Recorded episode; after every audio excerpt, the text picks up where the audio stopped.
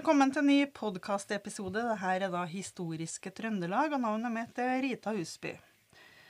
For noen år siden så oppdaga jeg noen spesielle annonser i eh, gamle aviser fra tidlig 1900-tallet. Eh, det var om en som kaltes Dreyer Antonsen, og han vekka jo interessen min, eh, kan du si. Og så fant jeg ut det at det var to journalister fra NRK som har laga et radioteater. Aud Larsen Haug og Tormod Aune. Så tok jeg noen kontakt med dem. Men det radioteateret det var ikke digitalisert, for det her var jo et opptak fra 1989. Så sier hun Aud det at du må ta kontakt med en Lars Lilleby Macedo. Han har skrevet bok om en Dreyer Antonsen nå nylig. Det var jo ikke til å tro. Så da tok jeg kontakt med en, eh, Lars, eh, og han er dagens gjest. Vi skal snakke om borgervern, menneskejakt og klasseskille. Og en by som ikke var klar for å møte utfordringer. Dette er en sann kriminalhistorie fra Steinkjer. Velkommen til podkast, Lars Lilleby Macedo. Takk for det. Du er med oss eh, fra Steinkjer over telefon. Vi får håpe at lyden blir bra. Eh, Hvordan fikk du ideen til at du skulle skrive denne eh, boka 'Villdyret våknet'? Jeg var jo litt kjent med historien om Georg Geir Antonsen eh, tidligere. Eh, jeg hadde forstått det som at det var en eh, villmann fra Nord-Norge som kom eh, til Steinkjer en martna og snudde byen på hodet og på en måte for igjen. Ja. Eh, det var bakgrunnen for en eh, artikkel jeg skrev i Trønderavisa i 2013. Altså 100 år siden det skjedde. Ja. Eh, Da forteller jeg litt om ja, villmann fra Nord-Norge som eh, oppførte seg helt stein hakke tullete i Steinkjer. Ble bura inn, eh, ble skutt ut av fengselet og ble invalid for resten av livet. Eh, På en måte så har akkurat den historien blitt fortalt opptil flere ganger. Både gjennom små artikler som du var inne på, et hørespill, og Mhm. gjennom min artikkel. Og jeg regner med at du har hørt litt om han Dreyer i løpet av barndommen og ungdomsåra opp igjennom? Det har vært en snakkis i Steinkjer? Ja, eh, det er klart at nå er jeg litt eh, kanskje spesielt historieinteressert, men ja, jeg har hørt om den i, i små porsjoner. Eh, Blant annet så hadde vi en spellemann på Steinkjer som het for Arvid Egge, som laga Georg Dreyer Antonsens Pols. Oh, ja. Og det vekket jo selvfølgelig litt interessen. Hva var den mannen, og hvorfor fortjente han en Pols? ja. Og da leste jeg meg opp, og det var sånn jeg fant fram til historien om den såkalte bataljen i fengselet. Ja. Hvilken avis var det du skrev en artikkel i, sa du, i 19... Jeg var ansatt som journalist i Trønderavisa fra 2008 til 2018, og den artikkelen skrev jeg i 2013, den aller første. Ja. Og da var det jo 100 år siden det her eh, utspant seg i Steinkjer. 100 år siden. Mhm. Du kan jo fortelle litt hvem var egentlig han Georg Dreyer Antonsen? Hvor var han ifra? Han var fra en plass som heter for Røde i Nordland. Eh, Han eh, Det virker som at han hadde en helt normal oppvekst. Eh, Presten sier at han klarte seg fint i konfirmasjonsundervisninga. Ja. Um, og så følger vi noen spor at han tok veien sørover. Og da ser vi fort at han på et eller annet tidspunkt kom inn litt i det gæle plasser og Ah. ble eh, tatt litt for sånn ja, spesielt uh, småtyveri i fylla. Oh, ja. Men du har lest en plass at han var omreisende fotograf, men det stemmer kanskje ikke? Jo, det stemmer, men det kommer på andre sida av historien. Ja vel. Ja vel. Han, eh, han, han var mye. Han kalte seg for fotograf. Han kalte seg for Han, han, solgte eh, kjøkkenutstyr. Han, han prøvde egentlig å selge alt som han kom over. Ja. Var han en kremmer, da? Han prøvde så godt han kunne. Mm. Eh, Han, første dommen han fikk i, i Oslo, var vel for en mislykka kremmer. Han, eh, han som mislykka kremmer, han, han skulle ha agenturet for kjøkkenutstyr fra en større produsent sørafor. Så fikk han utdelt en agentkoffert med, med prøver på, på bestikket. Ja. Men han solgte prøvene, og drakk dem bort. Og det ble jo ikke, eh, ble jo ikke leverandøren veldig begeistra for. seg. det, det ble jo en sak, og det var jo den første gangen han havna i fengsel. eh, Fordi at han kaller det for å underslå varer eller for å selge varer som han ikke da. Ja. For jeg ser at botsfengselet går igjen en del eh, Det var der han havna, kanskje? Han havna litt på forskjellige plasser. Han var vel i fengsel i Oslo, han var i botsfengselet, og han, eh, han var vel innom mange forskjellige lensmannskontor. Ja. Eh, Han, han var jo en han var jo en slåsskjempe. Ja. Med en liten bjallert innabords så tok en slåsskamp både med én og fem, og gjerne en politimann eller to hvis det er sjansen bød seg. Hmm. Var han litt kjent da, i både by og bygde rundt omkring i Jeg tror nok det at eh, etter, etter oppholdet i botsfengselet så begynte jo navnet hans å stå i polititidene som var den trykte papiret som gikk rundt i lensmannskontorene i Norge. Oh, ja. Og da dukka navnet hans opp eh, flere og flere ganger, og han var nok en kjent figur for spesielt eh, politi og lensmann. Hmm.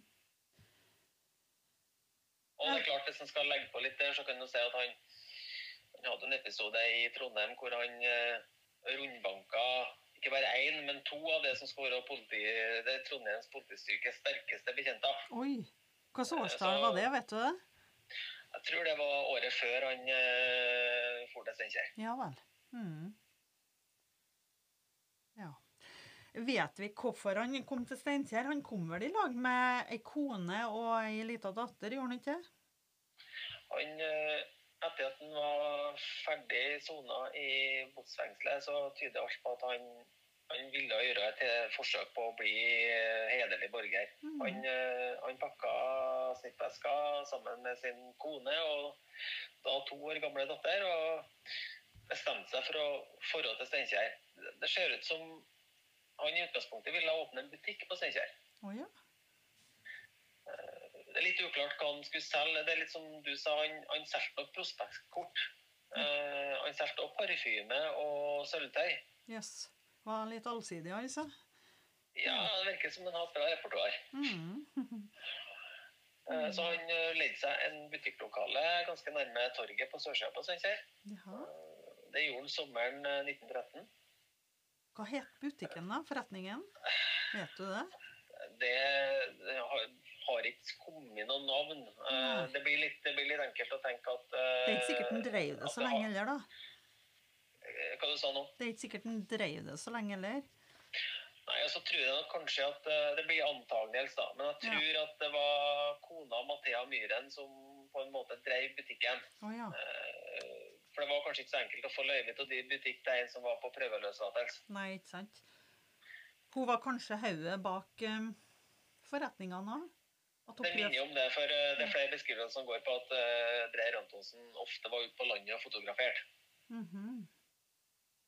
Men han skulle til Steinkjer. Han skulle på Steinkjermarten. Han det var Eller eh, Her må vi ta en pause. Det ble galt. Ja. Oppholdt han seg på Steinkjer når han begynte når han skulle på Steinkjermartnan, eller kom han Det, det, det tyder på at han kom til Steinkjer på sommeren før uh, Steinkjermartnan høsten 1913. OK. Ja. Og det er nok litt av den historien som gjør at det går så galt under Mortnan som det gjør. For eh, han uh, i, i, den, I den rettssaken som skal komme etter den bataljen, så beskriver flere at han følte seg veldig uønska i Steinkjer. Mm. Han uh, syntes at eh, politiet nærmest ønska han skulle reise. Han syntes at andre handelskollegaer ønska han skulle forlate Steinkjer. Og han, han følte at ungene flira av han. Men det var 15-øresbasar han egentlig skulle holde når han kom på Martnan? Ja, han, eh, han, eh, han søkte om Altså, han, han kom med sin, eh, sin kone og to gamle døtter. Ja. Uh, leide inn først på Hotell Norden, og, og da tok videre inn til den såkalte butikken sin. Mm. Han uh, søkte om å få drive femøresbasar ifra Det ble feil. 15-øresbasar fra Hotell Norden. Oh, ja. Det var nok ikke han som søkte om det, det var nok Mathea som søkte om det. For Ja. hadde han søkt, så hadde han fått nei. Ja, ikke sant. Uh, og, og det var det som var grunnlaget for at han skulle til Martna. Og Mm. så, når han da i tillegg ordna seg butikk i Steinkjer, så fikk han satt opp ei handelsbod utafor butikken. Å ja. Ja. Vi må jo fortelle litt om hva som skjedde på denne martnan, da. Um, hvordan var martnan egentlig på Steinkjer på den tida? Det var jo mye eh, eksklusive, litt spesielle artister som kom, og det var boder av alskens slag, og det var, Det var, jo, det, var, jo, det var jo påfyll fra den store verden. Det var jo, Ja. det var jo de få dagene i, på høsten som det var Steinkjermarten, så fikk jo Steinkjer en smak av den store verden. Som Ja. egentlig alle andre markedsplassene i, i Norge. var det mye folk, da? Kom det mye tilreisende eh, generelt? Mye tilreisende generelt. Og så, og så tror jeg nok at det nører litt opp under den eh, Steinkjer sin kreative verden òg. Det at eh, ja, Blant annet så hadde du Carl og Becka Bommen, som investerte i det som trolig var en av Norges første karuseller. Jaha. Ja. Eh, så, så at du fikk se mye på Steinkjermartna for første gang. Altså om det var Lanterna Magica, du kan se i en boks og se på levende bilder. Eh, du, kunne, kunne møte gjøglere, du kunne møte bjørnetemmere. eh, Og vanlige omreisende frukthandlere. ja. Det var, spennet var veldig stort. Det Mm. begynte jo som et dyrskue, men uh, dyrskuen ble jo mer eller mindre bort, for trøndere vil feste, vil ikke se på dyr. Ja, ikke sant. Eh, Men han Dreyer han følte da at Steinkjers befolkning var imot seg når han var på Martnan. Han følte seg vel mobba, rett og slett. Han, eh, han eh, fikk jo satt opp den boden. Den boden tyder på at han egentlig solgte alt, som jeg sier, fra parfyme til visittkort. og ja, Han solgte veldig mye på den boden. Men han, han fikk ikke være i fred. Uh, Ungene uh, var stadig borte og herja litt med perka litt på varene. Uh, politiet var veldig ofte bortom og kikka. Han sjøl drakk. Oh, ja. Han, han sier jo sjøl i etterkant at han, han drakk for at han var så skuffet og lei seg for at han hele tida ble fulgt med og sett eh, på. Men hvorfor ble han fulgt med, og, og var det for at han har noe på rullebladet? Det var vel ikke noe rulleblad den gangen, men at han var berykta? Det kommer nok kanskje den hypotesen min inn at uh, politiet i tidene hadde uh, Ryktet hadde gått i forveien. Steinkjer Mm. visste veldig godt hvem mannen var. Mm. Uh, og de uh, Altså, ungene mente f.eks. at han ikke solgte parfyme, men han solgte myrvann fra Mæresmyrene. Mæresmyrene, hva var det da? Var det Eh, en anstalt Mæres- eller en Mæresmyrene var rett og slett grøftgraving for fanger. Oh. Eh, om Dreyer Antonsen faktisk var der, det er veldig usikkert. Men eh, åpenbart så har ungene fått med seg at han har vært på straffarbeid. Og, mm, og ikke parfyme, men det var myrvann fra Mære. akkurat. Men det sier jo at det har vært snakk om det tidligere. Sant? Unger på 15, 12, eh, 17 år vet jo ikke det uten at det er snakka om på forhånd. Nei da. De har vel snappa opp den plass, ja. Mm. Og han, eh, han Dreyer Antonsen han, eh, han var ikke så mye på den såkalte boden sin heller, for han, eh, han følelsen ble Drygen mye fulgt med. Mm. Men lørdagen så ble det mye folk på boden. Det kom mye folk fra mye andre plasser i Steinkjer som kanskje ikke kjente den så godt. Eh, Det kom folk fra Vestland og Ungdalen og Namdalseidet og kanskje fra Levanger. Ja. Og han solgte varer som bare juling. Jøss. Eh, Så drakk han portvin i tillegg. Ja. Så han, eh, han ble nok litt høgmælt etter hvert. Mm. Eh, Og da dukka det opp eh, to og tre politibetjenter på, på til boden hans og sa at han skulle pakke ned en, en time før Marten hadde stengt. Jaha. Det hadde ikke Reir Antonsen lyst til, for han solgte så bra. Ja, ikke sant. Eh, Politibetjentene ga han kvarter på å ordne opp. Eh, De var tilbake igjen et kvarter, og Reir Antonsen sto der. Mm. Da bestemte han seg for å ta han imellom seg og ta han til fengselet. Mm. Og det var der, eh, det var der eh, egentlig da, den, den sørgelige bataljen starter. Ja. For eh, når du tenker på grunnlaget til at han ble satt i fengselet, da Han gjorde jo sikkert litt motstand. Eh, men der var vel en rettshåndhevelse på offentlig sted, og Interessant, eh, interessant spørsmål. For at kaller Kall for Steinkjers borgerskap Mm. forklarer i, i retten at de syns at mannen er utrivelig og farlig og har laget leven. Ja. Og så har du flere eh, som står og handler på boden i det samme vaset som han ble arrestert, som tilhører et litt lavere sosialt lag i Steinkjer. ja. De sier til dommeren at de skjønner ikke hvorfor politiet tok ham med seg, for han, han oppførte seg ingenting annerledes enn andre eh, bodhaverne. Han var muligens litt berusa, men han hadde godt humør. Ja, akkurat. Så, så, så det kan jo kanskje forsterke den tvilen om at eh, Ja, det er ikke helt sikkert at de hadde rett til å ta med seg i fengselet, altså. Nei. Og der sto jo sikkert kona og dattera tilbake og måtte bare hjelpe til å pakke sammen. Vil tro at den oppgaven tilfalt dem. Mm. Men han ble altså ført til fengselet og satt i ei celle der. Um, det fengselet eksisterer vel ikke i dag? Nei, det forsvant med fiskebrannbomber. Ja. Men eh, det finnes jo en del bilder. Noe i hvert fall. Som eh, du har med i boka. Mm. Eh, og så bestemmer han seg vel for å, å komme seg ut. Han roper vel litt om hjelp, og, eller for å få vann. Ikke for å få hjelp, nei, men for å få vann. Og det er ingen som hører på han. Nei, han, eh, han På en måte så virker det som at han motvillig blir med de to, til dels tre fengselsbetjentene. Han eh, gir litt motstand når han er på tur inn selve døra til fengselet. Eh, Såpass mye at han må legges i bakken for å ransakes. Ja. Og så sier han OK, jeg går inn i cella sjøl. Og så Ja. går han inn i cella og tar seg en dopp. ja. Når han våkner, så er han fly forbanna. For han, han har kommet på at han, han skulle ikke bli fengsla. Det er jo bare tull. ja. Og så roper han på vann, for han er tøst. Han eh, Vi kan jo kanskje tenke oss hvorfor han er tøst etter at han har våkna. Mm. Men i hvert fall, altså, han er sint. Han er tøst. Ja. Han roper til fengselsbetjenten at eh, nå må han ha vann. Og så syns han at han hører at fengselsbetjenten flirer. ja. Men vann får han i hvert fall ikke. Da blir han såpass gæren at han eh, tar hendene og graver seg ut av en ca. 30 cm tjukk mur. ja. Jeg ser det står det i boka, men brukte den virkelig bare hendene? Han hadde ingenting annet enn det den ble satt inn i cella med. og det Aldri beskrevet noe annet at han har kun håndmakt når han grov seg ut gjennom selvmuren. Ja. Nei, det stemmer vel. Mm. Mm. Og da, og da ble det liv i larvene til fengselsbetjenten som var alene, for da skjønte han at her er det, her er det skummelt. Ja. Han, eh, Han satt nå bare der i leien, han altså. Ja, han satt der, og han, når han så at det begynte å røres i muren, så sprang han for å hente eh, de eh, tre politibetjentene som var i Mm. sentrum.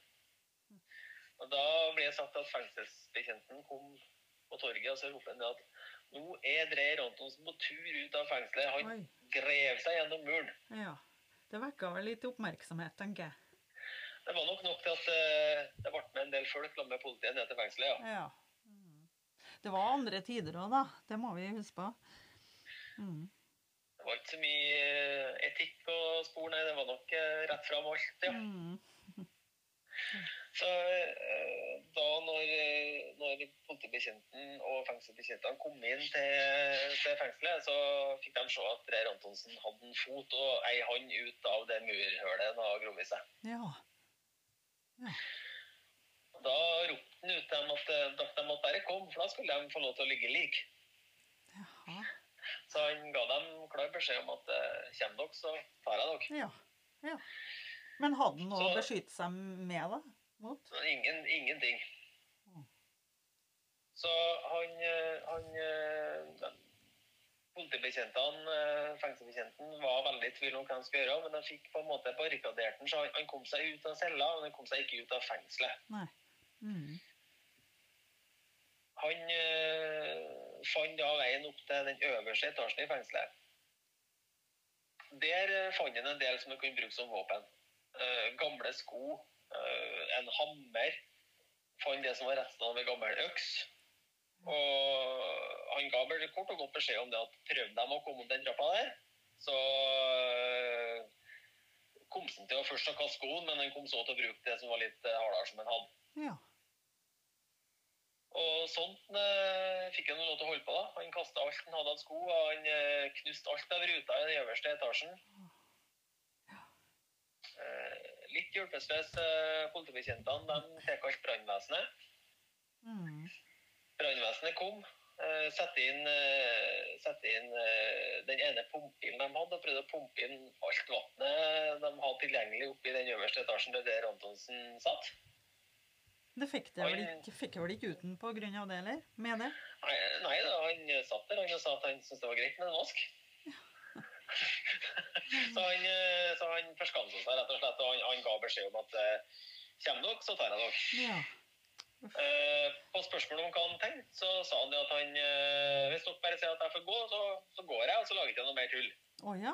Men det var selvfølgelig ikke aktuelt. Han skulle ikke få gå. Han var jo farlig. Og dere, den kaller for den kampstillinga, den foregikk over lang tid. Og det kom jo selvfølgelig mye folk som lurte på hva som foregikk i fengselet når vinduene var knust og brannvesenet var tilkalt. og ja. full, full pakke. Mm. Det var en kino som nettopp var ferdig på Steinkjer. ja. Og på den kinoen så var mangemillionær Knut Kristian Langgaard. Ja. Han, Steinkjer eh, Bøgg. Jeg var ikke helt Steinkjer-bygg. Han, eh, han eh, tilhørte tobakkslangård og Bryggeri-Langgaard i Oslo. Å ja. Ja. Stinn av- penger, Ja. stinn av sjøltillit, sterk som en bjørn. Uh, britisk mester i boksing. Han, uh, han fikk høre at det var ting som skjedde ved fengselet. Så han har ingenting å gjøre med fengselsvesenet eller med politistyrke eller brannvesenet, men han gikk i en fengsel og sa han at hei, slapp meg inn, ordne opp i dette. Jaha. Ja. Eh, politiet kikker på han og sier ordner du opp det? Ja, la meg få i hagl. Ja. Eh, fikk eh, hagl til hotellsjef Sæter. Tok med seg hagla inn i fengselet, og så ropte han opp til Dreyer Antonsen. Dreyer Antonsen, det er Langgaard. Du veit hvem jeg er, du veit hva jeg truer han til. Nå kommer du ned, eller så. Og da begynte Dreyer Antonsen å synge 'Katta på Ilevoll'. Ja. Ja. Og der er det en greie som ikke vi har fått helt taket på, men det er mulig at de to har møttes før. Eh, begge var glad i en fest, begge var glad i å slåss. Ja. Eh, 'Katta på Ilevollen' Ja, det må du fortelle litt om, hva er. En gammel låt av eh, som Otto Nilsen skrev, eh, og fremført, på, og fremført i, på Hjorten i Trondheim. Ja. Den gangen følte eh, da millionær Langgaard at han ble gjort narr av. Og det har tydeligvis Dreyer Antonsen fått med seg. Det har han fått med seg, for han sang, eh, han sang av full hals oppi loftet der. Og da svartna jeg for millionæren med hagla. Mm. Og han satte hagla i loftstrappa og skjøt. Men du, jeg leste en plass at det var et revolverskudd som gikk av før noen kom med ei hagl. Stemmer det? Eller er det litt forskjellige teorier? Politibetjentene har, har sendt av gårde et skudd, men eh, det er usikkert hvor det traff, og om Ja. det i hele tatt var i nærheten av, Ok. eh, av eh, Antonsen. Ja. Mm. Men det haglskuddet, det traff, og det ble bom stilt på loftet. Oh. Eh, Langgaard og politibetjentene gikk opp, og der fant de Dreyer Antonsen ille skamfor, for å se rett ut. Han lå i sin egen blodpøl og var livløs. Ja.